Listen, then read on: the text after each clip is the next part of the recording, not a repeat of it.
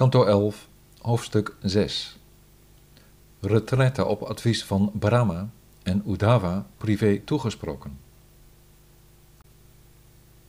Sri Shuka zei. Toen arriveerde heer Brahma in Dwaraka, omringd door zijn zoons, de goden en de heersers der mensen. Ook heer Bava, Shiva, kwam, de voor alle levende wezens goedgunstige heer, die werd vergezeld door een schare van spookachtige wezens.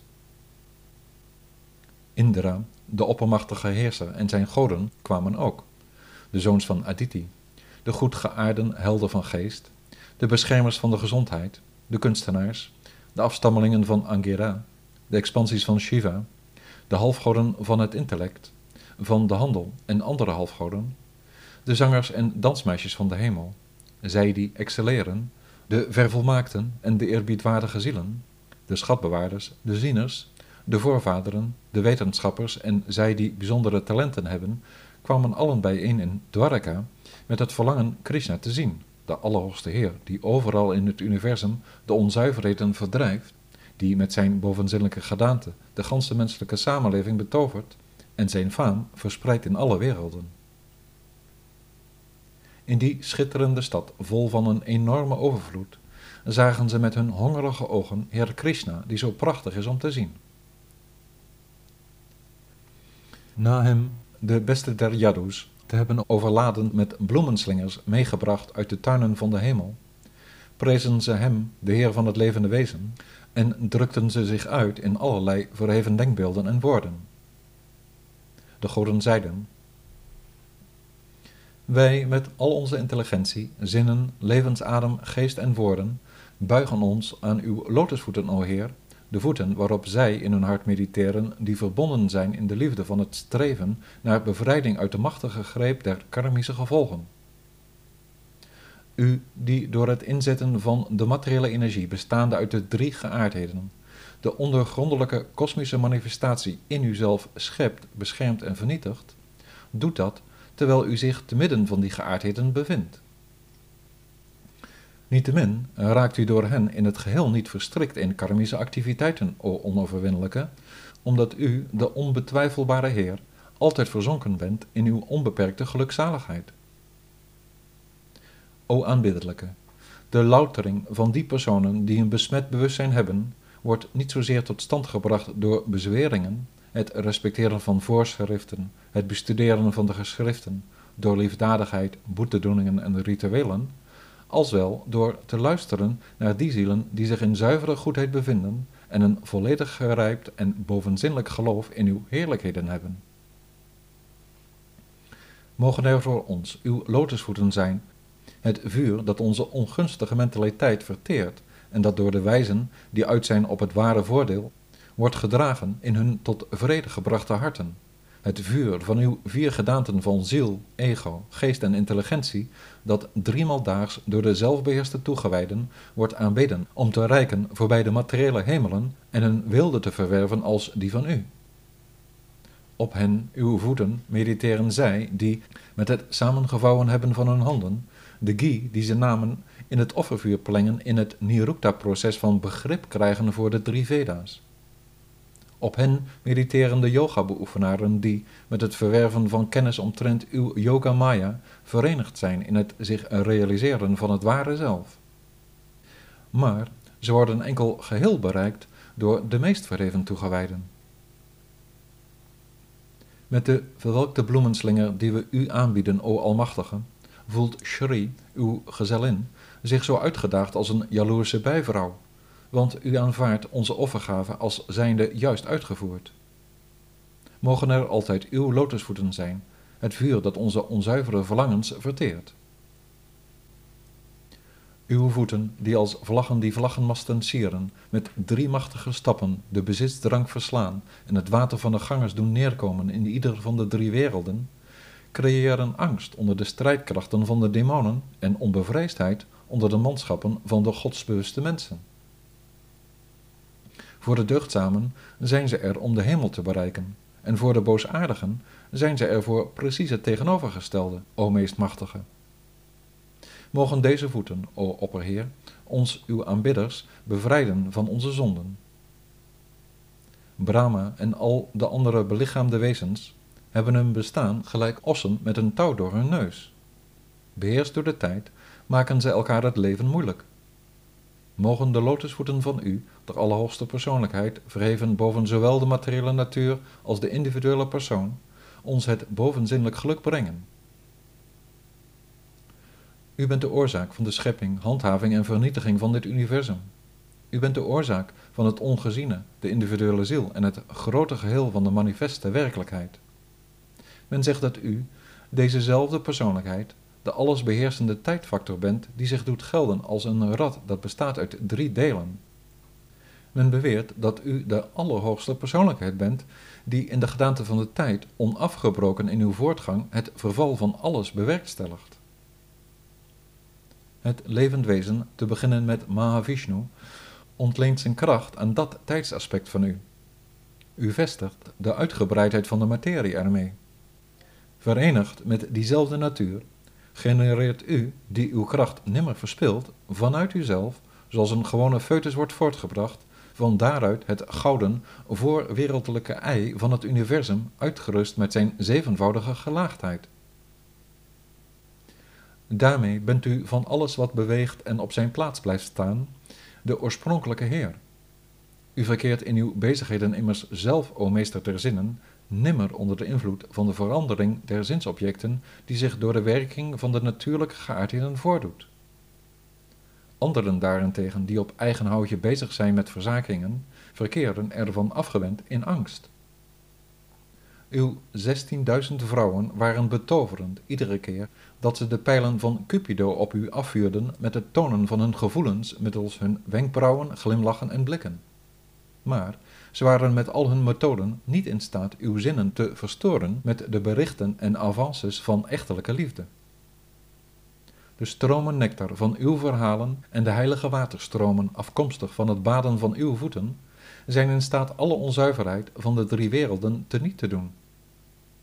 Zij die streven naar zuivering en omgang zoeken, benaderen u daarom op twee plaatsen. Door in de tempels hun oren te laten luisteren naar de verhalen van de traditie, en door in rivieren hun lichaam in contact te brengen met het water dat van uw voeten afkomstig is.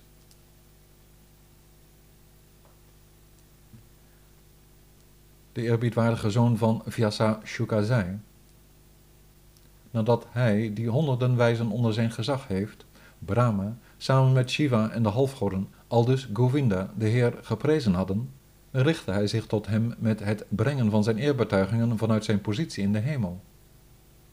Sri Brahma zei, O Heer, we verzochten u voorheen om de last van de aarde terug te dringen.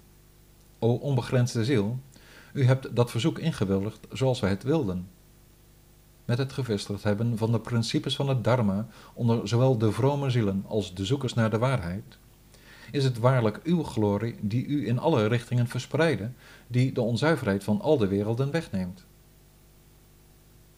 Door voor het heil van het universum een gedaante aan te nemen en neder te dalen in de Yadu-dynastie, hebt u met grootmoedige daden activiteiten zonder weerga aan de dag gelegd. O Heer, die vrome mensen die in het Kali-tijdperk luisteren naar en zingen over uw handelingen, zullen met gemak de duisternis te boven komen. O Allerhoogste Persoonlijkheid, sedert uw nederdalen in de Yadu Vamsha zijn er 125 herfsten verstreken, o meester. Voor u, o grondvesting van alles, bestaat er geen verplichting meer jegens de godsbewusten en het resterende deel van de dynastie is feitelijk vernietigd door deze vloek van de Brahmanen. Daarom vragen wij u of u van zins bent naar uw hemelverblijf te vertrekken en of u alstublieft ons, de dienaren van Vaikunta en de bewakers van alle werelden en hun bewoners, wilt beschermen.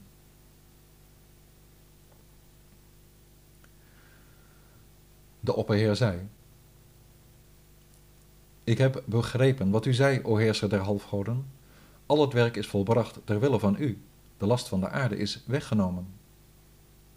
Dezezelfde Jeru-familie, die met mijn verschijnen zijn macht, moed en wilde uitbreiden, dreigde de hele wereld te verzwelgen en werd door mij daarom een halt toegeroepen zoals de kust de oceaan een halt toeroept. als ik de enorme dynastie van al te trotse Jarus niet terug zou trekken, zou de hele wereld door die vloed worden vernietigd. Op dit moment is vanwege de Brahmanenvloek de vernietiging van de familie begonnen. Als dat heeft plaatsgevonden, zal ik, o zonderloze Brahma, een bezoek afleggen aan uw verblijfplaats.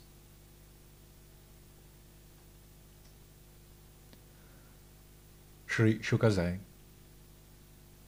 Aldus toegesproken door de Heer van de wereld, viel de zelfgeborene neer aan zijn voeten om hem zijn eerbetuigingen te brengen.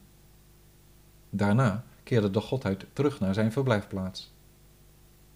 De opperheer zag toen dat er zich in de stad Dwarka allerlei kwade voortekenen ontwikkelden.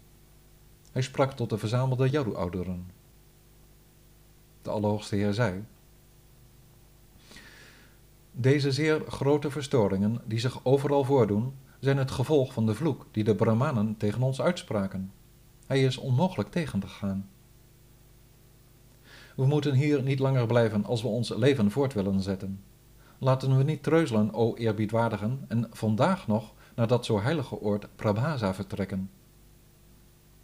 De koning van de sterren, de maangod, die werd getroffen door de tering vanwege een vloek van Daksha, nam maar eens een bad, raakte terstond bevrijd van zijn overtreding en hervatte toen het wassen van zijn fasen.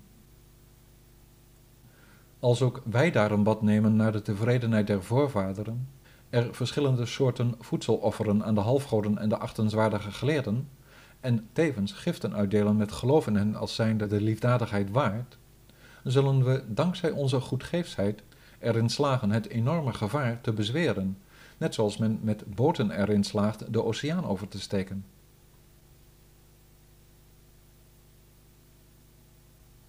Sri Shukazai O kind van de Kurus, de Yadavas, die al dus door de fortuinlijke waren geïnstrueerd, besloten na de nodige overweging om naar de heilige plaats te gaan en spanden hun paarden voor hun wagens. O koning, Udava was als een immer trouwe volgeling van Krishna ter oren gekomen wat door de Heer was gezegd. Met voor ogen de angstwekkende slechte voortekenen benaderde hij de Heer der Heerscharen van het universum privé en richtte zich met gebogen hoofd aan zijn voeten tot hem met gevouwen handen. Sri Udava zei: O Heer en God der goden, o meester van de yoga, o vroomheid van het luisteren en zingen.